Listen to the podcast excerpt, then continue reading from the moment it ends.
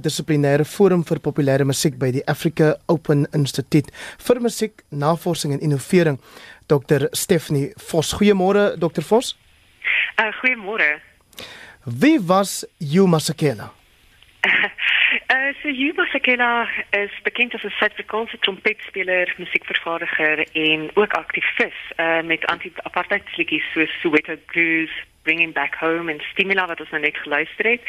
Um, hy het meer as 40 albums uitgegee oor 'n loopbaan van meer as 6 dekades, 'n regte veteraan. En sy storie begin natuurlik waar eerwaarde of Vader Trevor Huddleston hier in Sophia Town destyds gereël het dat die groot Louis Armstrong vir hom sy eerste trompet trompet gee. Ja, absoluut. Ehm um, so uh dit ek bedoel dit is 'n fantastiese begin tot 'n loopbaan. Ek dink veral as jy 'n jazzspeler is en al jou ikone is eintlik mense soos uh, Louis Armstrong.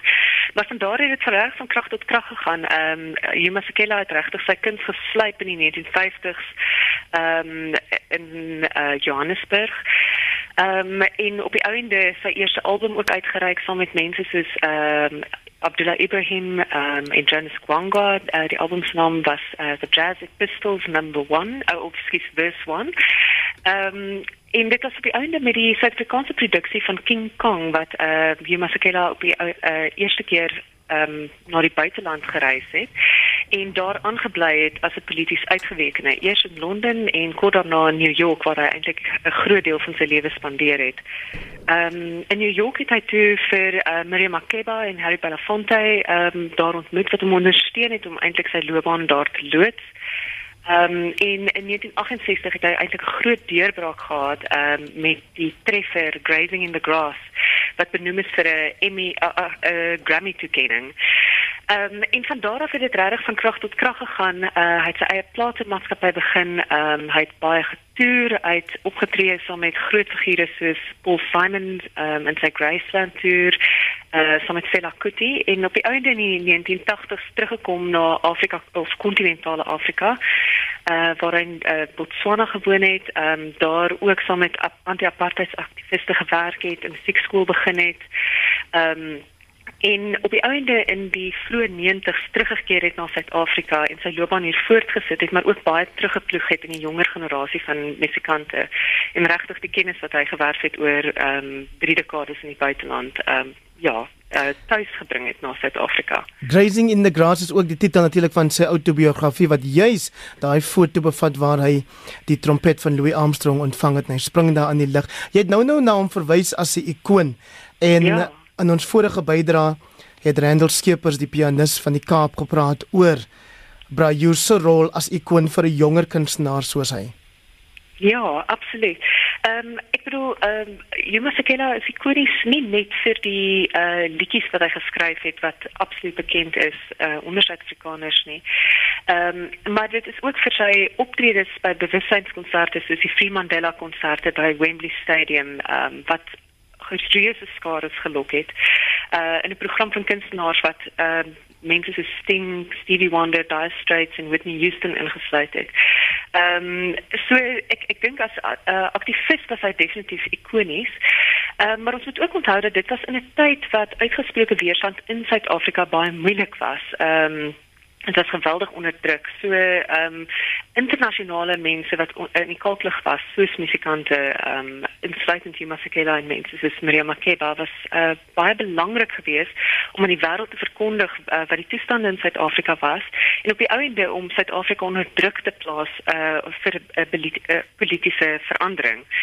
Ehm um, so ek dink dit is hoekom ons reg te gaan Masekela kan dink as 'n ikoniese figuur ook in die ehm um, struggle in Suid-Afrika. Identiteit was ook vir hom belangrik. Randall Skeepers het ook byvoorbeeld verwys na sy, ek wil amper sê veldtog teen die gebruik deur sommige Afrika vroue om vir hulle hare te koop en hy het nou homself daaroor baie ongewild gemaak, maar dit was sy manier van sy trotsheid op 'n Afrika identiteit uitdruk. Ja, absoluut. Dr. Vos, dan het Yuma Sekela in die laaste jare baie besorgd gewees oor die miskenning van plaaslike kunstenaars soos hy self in 'n sekere mate. Ehm um, dit is nogal 'n debat. Ek bedoel op sekere maniere dink ek ehm um, dat hy minder bekend is in Suid-Afrika as wat hy miskien internasionaal is omdat so groot deel van sy ehm um, loopbaan internasionaal um, gevoer is of uh, miskien is bekendheid 'n uh, minder die woord as om te sê ehm um, minder uh, erkenning gegee vir sy werk in Suid-Afrika maar aan die ander kant het ontsettend baie moeite gedoen om die jonger generasie van Suid-Afrika ehm um, jonger generasie musikante van Suid-Afrika in te sluit by sy produksies en saam met hom op toer te neem wat ongelooflike goeie blootstelling is en ek glo 'n baie groot leerskool ook vir die jonger generasie musikante. Ehm um, So ek ek dink op baie vlakke ehm um, kan mens sê hy is regtig trots Suid-Afrikaans en hy teruggekom Suid-Afrika toe en regtig ook sy deel gedoen. Ehm um, maar steeds tot uh baie baie onlangs ehm um, meerendeels in die buiteland opgetree. 'n Laaste woord van u kant af oor Yuma Sakela se unieke musiekstyl. O ja, eh, ehm um, Ek dink as ons praat oor Yuma Sakela kan ons eintlik praat van verskeie musiekstyle want daar is nie een spesifieke een nie. Ehm um, hy's 'n musikant wat homself konstant vernuwe het. Ehm um, en hy het 'n baie fyn aanvoeling gehad vir ehm um, wat 'n gehoor se oor kan trek wat uh, op die voorpunt is van ehm um, musieksmaak op die oomblik. Ehm um, die sogenaamde catchy tune en 'n goeie groove.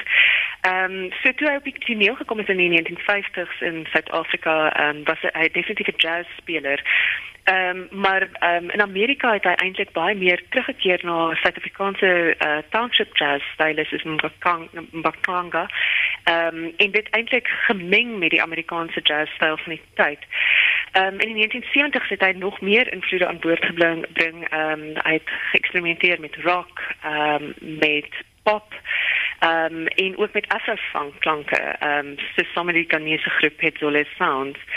Ehm um, maar regtig ek dink sy het weer tuis gekom in 'n Suid-Afrikaanse konteks uh, toe hy teruggekeer het in die 1980s eers na Botswana en later in Suid-Afrika uh, wat hy regtig ehm um, eenvoudiger popstyl liedere geskryf het maar met geweldige impak en ek dink dat baie geresoneer het met mense op daai stadium ehm um, in terme van die uh, die inhoud en wel ook die styl.